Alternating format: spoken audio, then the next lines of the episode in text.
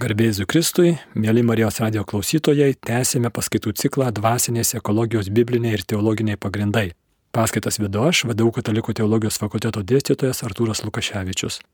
Praeitą kartą žvilgtelėjome į priklausomybės ir į 12 žingsnių tą programą žmogui išsivaduoti iš, iš priklausomybių, ypatingai iš cheminių priklausomybių, kurios tikrai destruktyvios ir jas gerai pažįstame mūsų aplinkoje.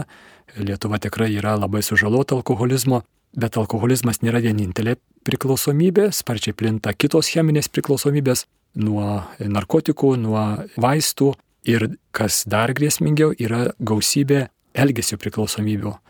Tai pradedant nuo lošimo, kas yra labai siauras ir labai destruktyvus priklausomybių būdas, ir baigiant įvairiausiais, įvairiausiais mūsų santykius ardančiais nesveikais prisirišimais, nesveikom priklausomybėm nuo nuotaikų, įvairiausiais pripažinimo siekimais ir atstumimo baimėmis visos šitos priklausomybės ypatingai žaloja mūsų kasdienybę ir jos sunkiai identifikuojamos.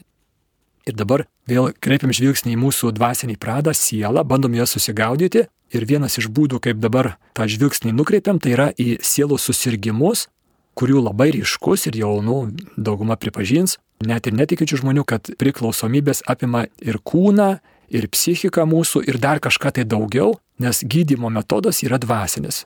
Tai jeigu susirgymas yra ryškus ir fizinėme, ir psichologinėme lygmenyje, tačiau nepasiduoda gydimui per fizinį ir per psichologinį lygmenis, tai ko gero, fizinė ir psichologinėme lygmenyje mes matome tik tai simptomus, tik tai matom pasireiškimus, o lygos šaltinis yra kažkur tai kitur. Ir šiuolaikinis mokslas tikrai labai kruopščiai ir detaliai ištyrė žmogų ir mūsų visa smegenų, centrinės nervų sistemos veikla ištirta ir puikiai visi cheminiai procesai ten vykstantys žinomi ir kas darosi priklausomybių vystimosi metu žinoma ir vis dėlto medicina negali sustabdyti, pavyzdžiui, alkoholizmo. Žmogus serga alkoholizmu, nueitų pas daktarą, ištyria, duoda tablečių ar suleidžia vaistų ir cheminė intervencija ir žmogaus priklausomybė dinksta. Nėra tokio būdo. Matyt, priklausomybė kyla iš kito šaltinio, ne iš mūsų fizinio organizmo, ne iš mūsų kūno. Panašiai psichologai kažkiek tai gali padėti, bet vis dėlto nėra tokio metodo, kur būtų psichologinė pagalba alkoholikui ir, reiškia, tas metodas būtų, nu, iš esmės efektyvus. Tokio nėra.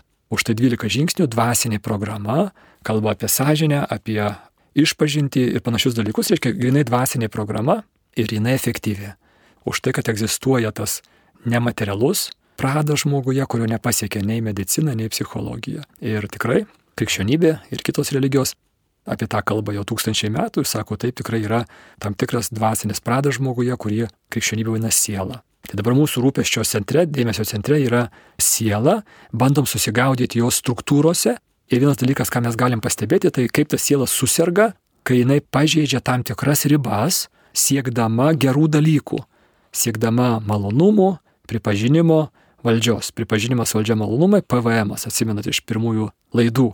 Tai štai, kai mes siekime šitų gerų dalykų, mūsų siela ne iš karto, bet po kurio laiko įsivysto įprotis, kurį mes vadiname įda, ir paskui to įpročio pagrindo atsiranda priklausomybės. Keistas reiškinys, savidestruktyvus mechanizmas žmoguje užsiveda ir žmogus greuna pat save priklausomybės. Ir jas sustabdyti yra sunku, jau žinome iš praktikos, čia jau ne juokai. Ir štai 12 žingsnių, kuris nėra lengvas kelias, bet reikalauja faktiškai sukaupti visas žmogaus jėgas, pastangas žmogus turi perorganizuoti visą savo gyvenimą, jeigu jisai nori įsikapstyti.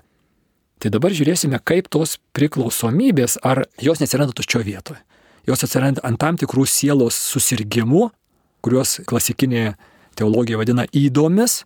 Ir man labai įdomu buvo paskaityti literatūroje apie priklausomybių gydimą, apie tai, kad jie kalba apie tam tikrą į priklausomybės linkusią asmenybę į priklausomės linkusią asmenybę turi tam tikrus požymius, kurie žinomi psichologams, terapeutams, dirbančiai su priklausomais žmonėmis. Ir aš štai keletą iš jų norėčiau paminėti. Jiems yra būdingas įkyrus mąstymas. Jų mintys užsifiksuoja ant kažkokio tai objekto, kažkokio tai malonumo, nuoskaudos ir tą nuoskaudą negali jo paleisti. Kažkas įžeidė, kažkas tai tenais netaip kažką tai padarė man. Ir aš, reiškia, suku ir suku ir suku ir suku tą plokštelę.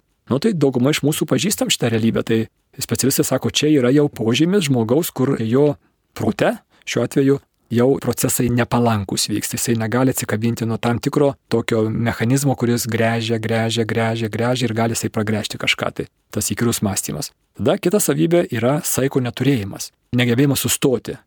Galima sakyti, negebėjimas valdyti savo apetitų. Žmogus nori ir jisai, jis, reiškia, negeba sustoti. Melavimas, polinkis meluoti, manipuliavimas santykiuose. Žmogus turi tokių kabliukų, visokių emocinių, visokių tokių kalties jausmą sukelti ir, ir gailėščio jausmą sukelti tam tikrų tokių egoistinių polinkių.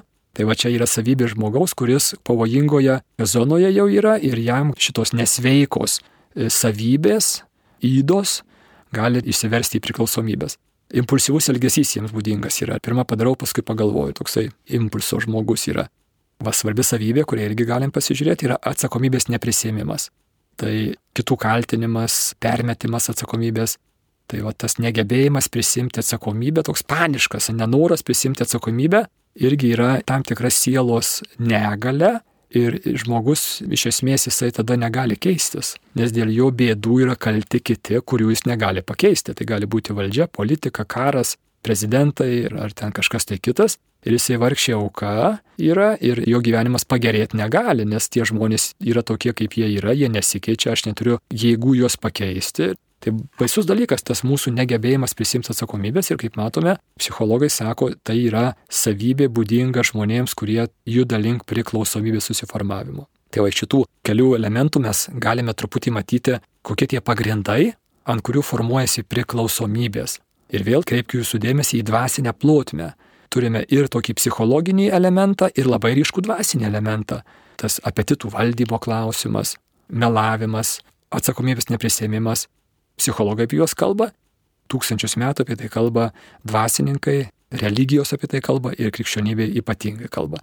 Palyginkime šitas į priklausomis linkusios asmenybės savybės su septyniom didžiosiom įdom vadinamosiom, tai yra tos septynios didžiosios nuodėmės, nors ne visai tikslu, nes nuodėmė yra veiksmas, o tos mūsų žinomos klasikinės septynios didžiosios yra savybės.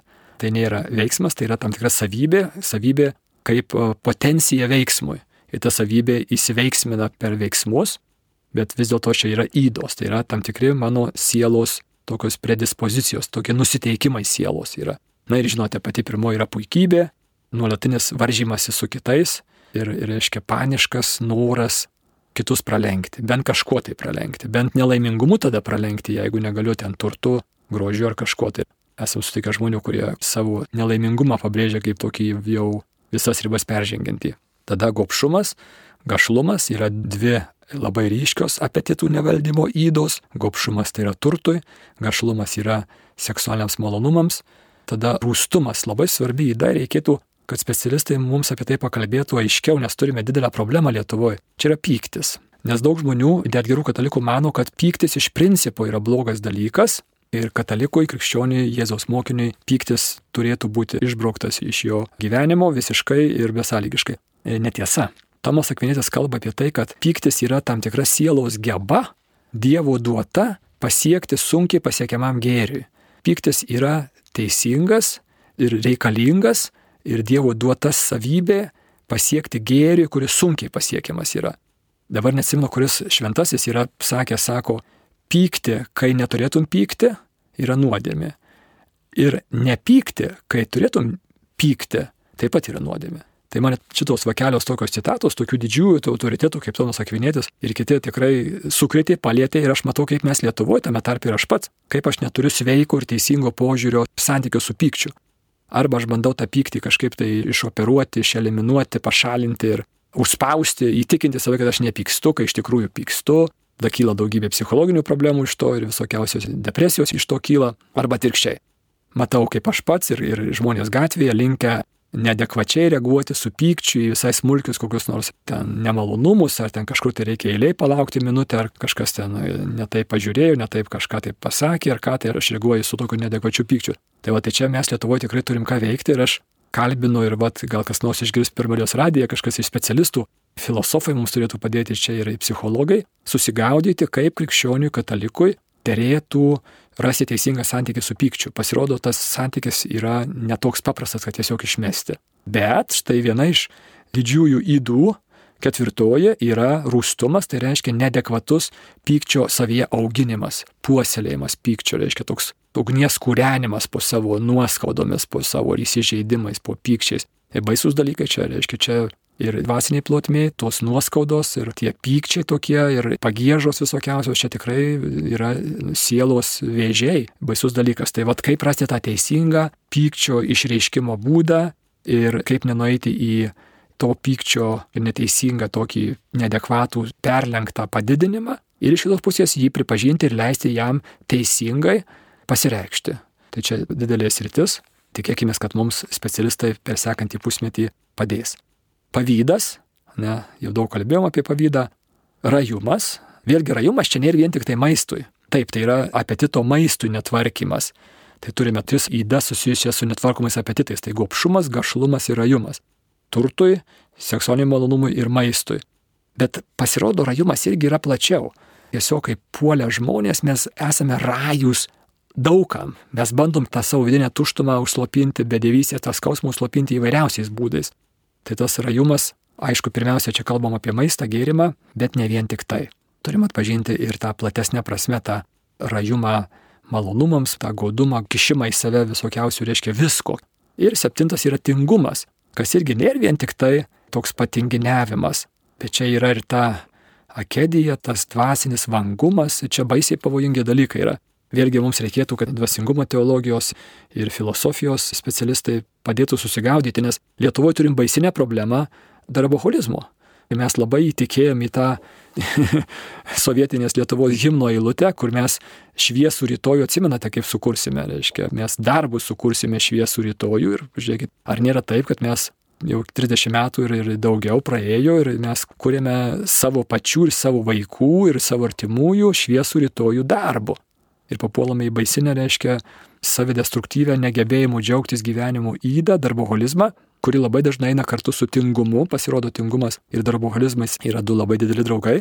Tai va tas susigaudimas, kas ta septintoji bėda, ta septintoji didžioji bėda, septintoji didžioji įda, tas tingumas irgi reikėtų mums dvasinės e, teologijos specialistų. Tai man iš dvasinės ekologijos pusės žvelgiant, štai va tos septynios didžiosios įdos yra tokios septynios didžiosios sielos lygos. Ir kreipiu jūsų dėmesį į tai, kad tos visos lygos susijusios su gerų dalykų neteisingų panaudojimų peržengiant kurėjo nubrėžtas ribas. Kuriejas nubrėžęs tam tikras ribas ir aš jas kodėl perženginėjau, todėl kad man jie yra meilės alkis, aš meilės pakankamai negaunu, kadangi nesu ryšyje su meilės šaltiniu ir tada aš bandau kompensuotis pakaitalais, surogatais tam tikrais ir tada išsivysto šitos mano septynios didžiosios bėdos, septynios didžiosios lygos sielos, tos didžiosios įdos. Ir matome labai panašu ir tai, ką psichologai, eidami visai iš kito kampo, prieidami iš priklausomybių lygų gydymo, atpažįsta, kad tie žmonės, kurie turi tas į priklausomės linkusios asmenybės bruožus, juose įsivysto priklausomybės. Tai vėlgi ta sąsaja tarp dvasinės mūsų sandaros ir lygotumo ir priklausomybių labai ryški. Ir priklausomybės man yra labai įdomus fenomenas, va ta prasme, kad jame išryškėja ta visa žmogaus dvasinė susirgymo prigimtis ir tada aš galiu atpažinti ir kelionę į tą dvasinį susirgymą. Aiškiai, mes, kurie nesam alkoholikai, mes žvelgdami į šitą susirgymo sandarą, kurią ką tik aptariau, mes galim savyje atpažinti tam tikrus paruošimuosius žingsnius, kurie gali mane nuvesti į priklausomybės. O netgi jeigu ir manęs nenuves į priklausomybės, tai vis tiek manyje įsivysto tam tikri susirgymai dvasiniai, kurie mažina mano laimingumą. Ir jeigu aš noriu gebėti gyventi palaimintą gyvenimą, gebėti džiaugtis gyvenimu ir, ir skleisti kitiems džiaugsmą ir nebūti našta kitiems su savo nuotaikomis ir savo visokiais ožiais, tai šitie dalykai yra svarbus. Ir 12 žingsnių su jais dorojasi šeštas ir septintas žingsniai, tokie labai nereikšmingi atrodytų. Šeštas žingsnis. Galutinai pasirengėme, kad Dievas pašalintų mūsų būdo trūkumus. Septintas. Nuolankiai jo prašėme tuos mūsų trūkumus pašalinti. Na va ir taip, kaip sakant, kai žvelgiam tuos 12 žingsnių, tai taip neįspūdingai atrodo, nes atrodo pirmieji ten tokie Dievo atsidavimo žingsniai, paskui tokie išpažinties, tie tokie, nu, tokie stiprūs, galingi žingsniai, atsiprašymo tie žingsniai. Viskas aišku. O čia kažkokie tai būdo trūkumai. Ir štai žmonės, kurie kovoja su priklausomybės, sveiksta nuo priklausomybių per 12 žingsnių, jie sako, čia yra ypatingos svarbos šitie du žingsniai, nes jeigu aš nepašalinsiu tų būdo trūkumų, tai mano alkoholizmas ar mano kita priklausomybė sugrįž. Tie būdo trūkumai yra tas aisbergo pamatas, ant kurio ta viršūnėlė išlenda, aktyvus gėrimas, bet jeigu aš to pamato nepašalinsiu, tai tada ta viršūnėlė tik tai laiko klausimas, kada vėl išlys, arba jeigu ne jinai išlys, tai kita išlys, jinai kitokia forma išlys. Tai štai, kai sako žmogus, ai sako, aš nealkoholikas, aš negeriu. Kartais tikrai gali būti, arba saikingai geriu. Vis tiek tie, kurie iš mūsų domimės sielos sveikata, tai va šitie va žingsniai kalba apie tai, kas būdinga mums visiems. Ypatingai visokiausios nuoskaudos, neramybės, irzlumai, nepasitenkinimai, tai dauguma iš mūsų nesunkiai savo gyvenimuose atpažįstam, netgi jeigu esame tikintys žmonės. Taigi, ar yra daryti bandymai kažkaip tai taip sistemiškai pažiūrėti į žmogaus dvasinį organizmą, į žmogaus sielą ir tam tikras nubrėžti struktūras, kažkaip tai susigaudyti toje sieloje. Ir pasirodo tikrai taip, yra tie bandymai daryti ir jie gerai žinomi ir gerokai pamiršti. Pirmas, kuris mūsų žiniomis tą padaręs, tai buvo Platonas, ketvirtas amžius prieš Kristų, vienas iš pirmųjų. Tikriausiai buvo ir anksčiau, bet iki mūsų netėjo raštiniai šaltiniai, kurie aprašinėtų tokiu sisteminiu būdu žmogaus dvasinio prado, tai yra sielos tam tikrą struktūrą. Ir Platonas tą struktūrėlę, nesu nesudėtinga, kurią tuoj pat aptarsiu, vėliau perėmė ją krikščionybę ir, ir, reiškia, po šiai dienai mes pamatysite, kad iš esmės tą pačią struktūrą ir naudojame, labai naudinga, genialiai paprasta ir tikrai galime iš jos daug ką pasimokyti. Taigi Platonas e, žvelgia į žmogų, be abejo mato fizinį kūną ir mato kažką tai daugiau jame ir sako, reiškia, mes žmoguje nuolat patiriame tam tikrą konfliktą. Manyje kyla troškimai, tiems troškimas mano protas pritarė arba nepritarė Ir jeigu nepritarė, tai kartais tie troškimai laimi, o kartais protas laimi. Atsiranda kažkas tai trečias, kas paremia arba protą, arba troškimus. Ir Platonas pavadino tą trečią elementą nirštu. Vėliau mes sakom, ši yra valia. Tai štai mes turime tą tokį nesudėtingą, trilypę sielų struktūrėlę. Troškimai, tai visų pirma mano emocijos, mano norai, mano jūslės, čia būtų apetitai, skanaus maisto, patogaus gyvenimo, kas nėra blogai, troškimai, visi juos atpažįstame savyje. Tada mūsų protas, kuris įvertina, yra gerai, bet jeigu žmogus, pavyzdžiui, turi virsvorį arba ten jam negalima valgyti kokių tai cukraus, reiškia, turinčių dalykų, tai man kyla noras, kyla troškimas saldumynams, pavyzdžiui, nes žmogus serga diabetu ir jam kyla noras saldumynams ir protas sako negalima. Ir tada įsijungia kažkas tai kitas, valia įsijungia, kuri paklūsta protui arba paklūsta troškimams. Ir valia nulėmė. Tai va tie trys elementai, kur Platonas išvelgia mūsų dvasinėje sandaroje, mūsų sieloje šituos tris elementus ir šita trilypė sielos samprata plačiai paplito. Ir jinai naudinga aptariant sielos sveikatą ir jos struktūras. Tai šioje vietoje mes matom, kad į sielą žvelgiame per jos išorinės išraiškas, pasireiškimus tam tikras funkcijas. Tada Platonas, kalbėdamas toliau apie tas tris sielos rytis, apie mūsų troškimus, mūsų protą ir mūsų valią, jisai išvelgia tam tikras savybės, tam tikrą tokią kokybę, kuri tuos tris mūsų elementus padaro sveikais, sveikatina. Ir jisai sako, troškimus sutvarko susivaldymas. Troškimai bus sveiki ne tada, kai jie bus visiškai atmesti ir išmesti. Ne, tai bus negerai, bet troškimus sutvarko susivaldymas. Valią sutvarko tvirtumas, o protą sutvarko išmintingumas. Na štai šitoje vietoje kai kurie jau atpažįstate tai, ką mes vadiname tos klasikinės kardinaliosios dorybės. Dorybės, tvirtumas, valios savybė, tvirta valia, susivaldymas, troškimų sveikata ir išmintingumas yra proto sveikata išmintingumas, proto gebėjimas yra. Tai štai Platonas sako, šitos trys savybės yra sielos veikatos, nu, labai esminiai elementai.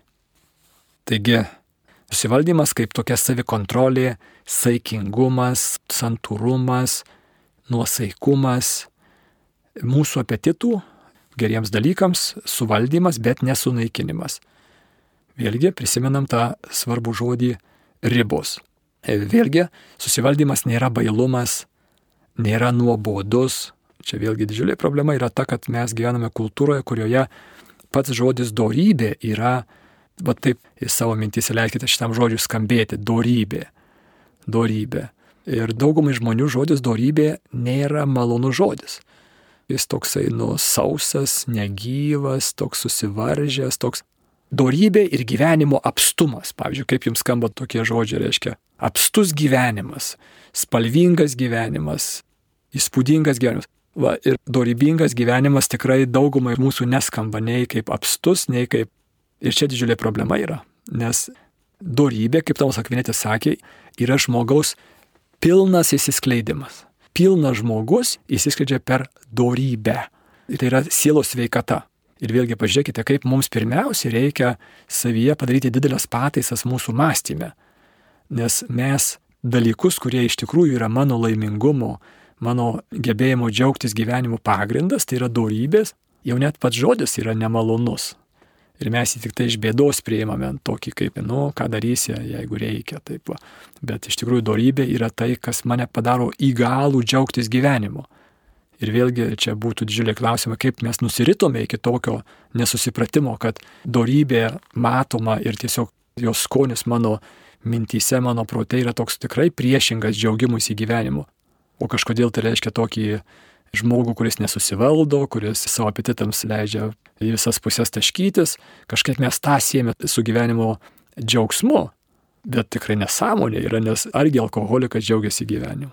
Nu, galim sakyti, gerai, kol pradeda gerti, džiaugiasi, bet tas žmogus, kuris jau tikrai alkoholikas, kuris serga alkoholizmu, jis jau nesidžiaugia net su pirmąją taurelę.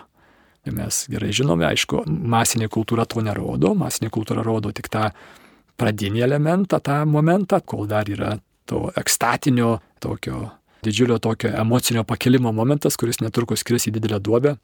Kaip tik dabar Kaune pastebiu daugybę reklaminių skydų, kuriuose reklamuojama lošimas, įvairiausi lošimo galimybės, tenai salonai ir, ir taip toliau, ir internetais galimybės. Ir visą laiką pastebėkite, tose lošimo, reiškia, reklamuose mes matome, jeigu žmogaus veidas, tai jisai tokio gyvenimo pilnatvės, jisai tiesiog sproksta nuo gyvenimo, reiškia, pilnatvės. Tai vėlgi specialistai ir net nespecialistai, tie iš mūsų, kurie susidūrė esame su žmogum jau gerokai pakeliavusi priklausomybės keliu, žinome, kad ten jau gyvenimo pilnatvės, jau ten gyvenimo nelieka, ne tik tai pilnatvės, jo nelieka, tai štai tas savokų atitaisimas, sugražinimas mums būtinai reikalingas ir susivaldymas, tai yra gebėjimas savo norus valdyti, yra labai svarbi mano gebėjimo džiaugtis gyvenimu dalis. Taigi susivaldymo darybė. Dabar tvirtumas kaip drąsa, kaip valios sveikata. Valia sveika bus tada, kai jinai turės tą tvirtumo savybę, sveika valia. Ir ta drąsa nėra lengvabūdiškumas, nėra toksai, nu, toks dėmesio nekreipimas į realius pavojus, jokių būdų ne. Tai nėra atsargumo stoka, nėra nutrūgalviškumas. Tvirtumas galbūt galima sakyti, prašiau, yra drąsa, tokia protinga drąsa ne vien nepabėgimas nuo fizinio pavojaus ar fizinio skausmo. Šitas tvirtumas būtinai apima tokį vidinio stuburo turėjimą. Irgi esam daugumą sutikę žmonių, kurie kažkokį turi tokį vidinį tvirtumą ir jie lengvai nepalenkiami kokių nors nuomonių, ar tenai kokių propagandų, ar, ar kokių ideologijų, reiškia tokių, ir netgi aplinkinių kažkokio tai tokio spaudimo, reiškia tokie žmonės, ir jie ramiai, reiškia, laikosi savo nuomonės, nepradeda ją ten kažkaip tai labai karingai ginti, tavo tvirtumo. Ta tokia savybė, valios, irgi esame sutikę žmonių, kur žiūrėkite, turbūt yra buvo ir mokykloje mokytojas, kuris visai negarsiai, gana tyliu balsu pasakė taip, kad pakluso visi. Tas atgebėjimas tyliu, ramiu balsu pasakyti ir tame balse kažkaip tai yra didžiulė jėga. Tai va čia tvirtos valios žmogus ir mes tuos žmonės gerbėme. Mes negerbėme žmonių, kurie savo poziciją ten gina kumščiais, riksmais ar kažkaip tai kitaip, ne. Bežiūrėk, va tyliai, ramiai pasakė ir nežinau, kaip seniau sakydavo, ir šventa. Tai va čia būtų tvirtumo savybė, tai yra valios sveikata. Ir jinai apima žmogaus labai svarbių elementą sieloje, tai mūsų tą galę galę pasirinkti. Ir trečioji savybė tai yra proto sveikata, tai yra išmintingumas. Ypatingai svarbi savybė. Dabar prisiminiau, kad e, dr. Jortin Vircevičiūtė yra skaičiusi nuostabų paskaitų ciklą, kurį galite rasti Krikščioniškosios profsąjungos tinklapyje apie šitas va, klasikinės dorybės. Tai kas domitės toliau, tikrai rekomenduoju pasižiūrėti.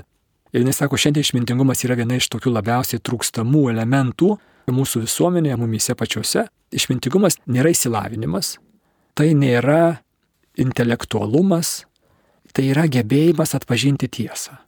Iškia gebėjimas atpažinti, kaip yra iš tikrųjų. Tas gebėjimas išvelgti tiesą. Ir šitas proto sveikumas, išmintingumas kaip proto sveikumas, būtinai susijęs su sažiningumu, su apsisprendimu pripažinti, kaip yra iš tikrųjų. O išmintingumui labiausiai trukdo realybės neigimas. Vėl labai ryškiai matome tą realybės neigimą alkoholizmo atveju, kur alkoholikas neigia, kad jis yra ligonis, jisai neigia savo priklausomybę, jisai neigia problemą, sako, čia nedidelės bėdos yra, aš čia tuo nustosiu gerti, aš valdau situaciją. Tai toks jau labai kritiškas trūkumas išmintingumo.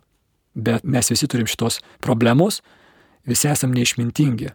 Tai yra tas neigimas, realybės neigimas.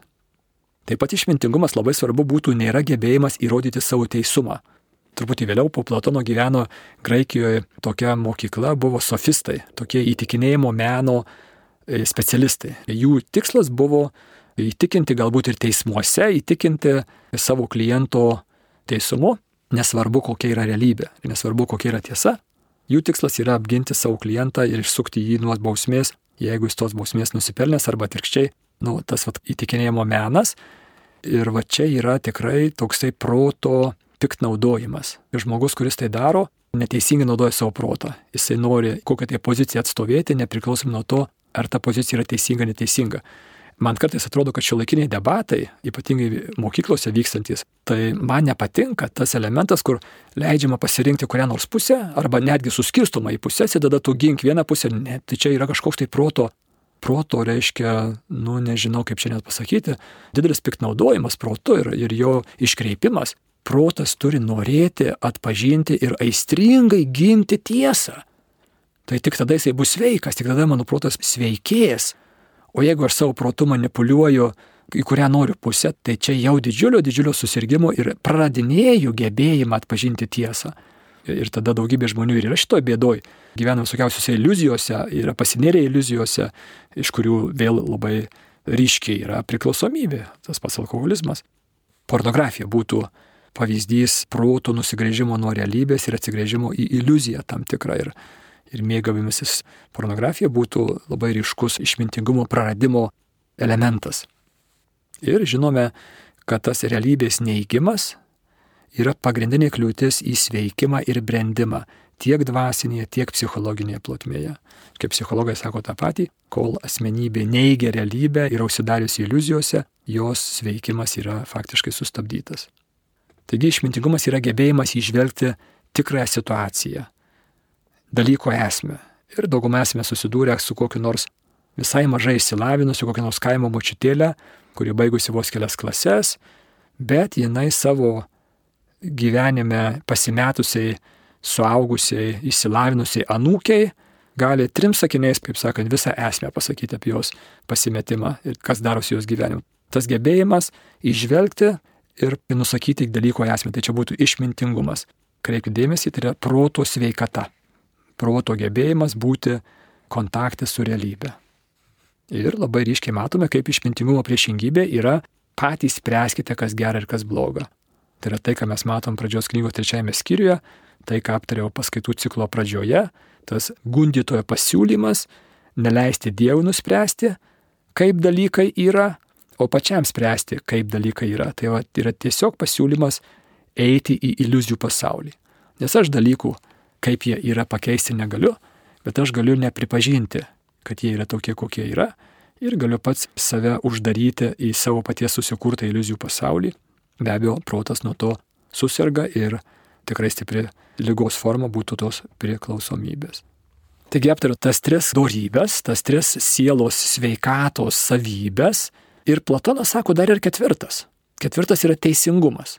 Ir man buvo įdomu, kai aš skaičiau apie tas keturias klasikinės kardinaliasias darybės, aš visą laiką įsivaizduodavau, kad teisingumas tai yra, nu, teisingi santykiai su žmonėmis išorėje, kad tai reiškia, aš pirmiausia turiu mokėti teisingą atlyginimą, skolos atiduoti, nevokti, tas va teisingumas tai reiškia tokiuose išoriniuose santykiuose.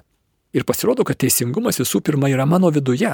Ir Platonas sako, kad teisingumas tai visų pirma turi būti santykėje tarp trijų kitų savybių. Tarp išmintingumo kaip proto savybės, tvirtumo kaip valios savybės ir susivaldymo kaip troškimų ir sveikatos. Pasirodo, jeigu bus neteisingas santykis tarp tų trijų, tai bus didelė netvarka manyje. Pavyzdžiui, jeigu manyje bus labai daug tvirtumo ir labai mažai protingumo, tai gali išvirsti į žiaurumą. Tvirtumas be protingumo gali išvirsti į žiaurumą.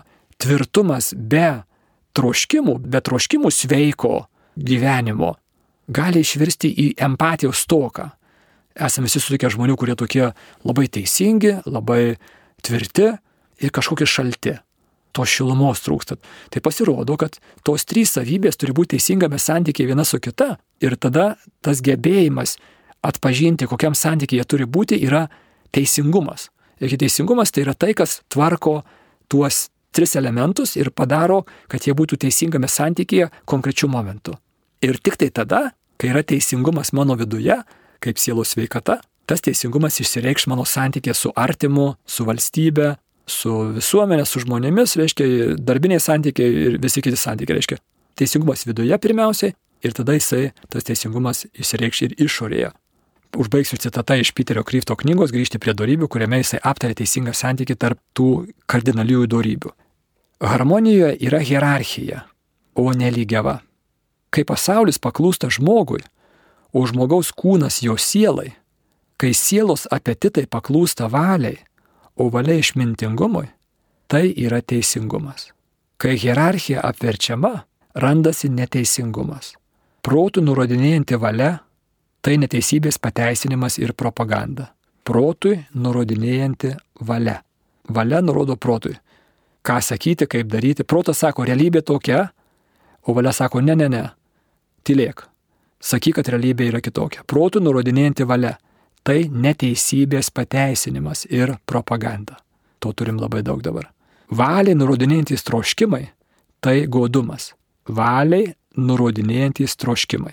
Troškimai sako, aš noriu tokį apetitą patenkinti, aš noriu tokį, reiškia, valią tylėk mano apetitai turi būti tenkinami neribotai.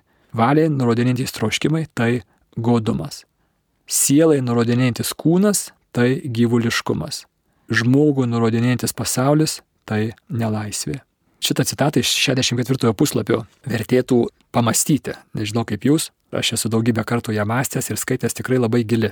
Labai daug pasako, kas darosi manyje ir kur aš esu nesveikas, kodėl aš esu nelaimingas, kodėl man trūksta gyvenimo džiaugsmo ir labai daug pasako apie mūsų pasaulį, kuris tikrai yra nusigręžęs nuo torybių, nuo klasikinių šitų sielos sveikatos savybių ir ieško laimės kitur, bet jo kitur nerasės, kitur laimės paprasčiausiai nėra.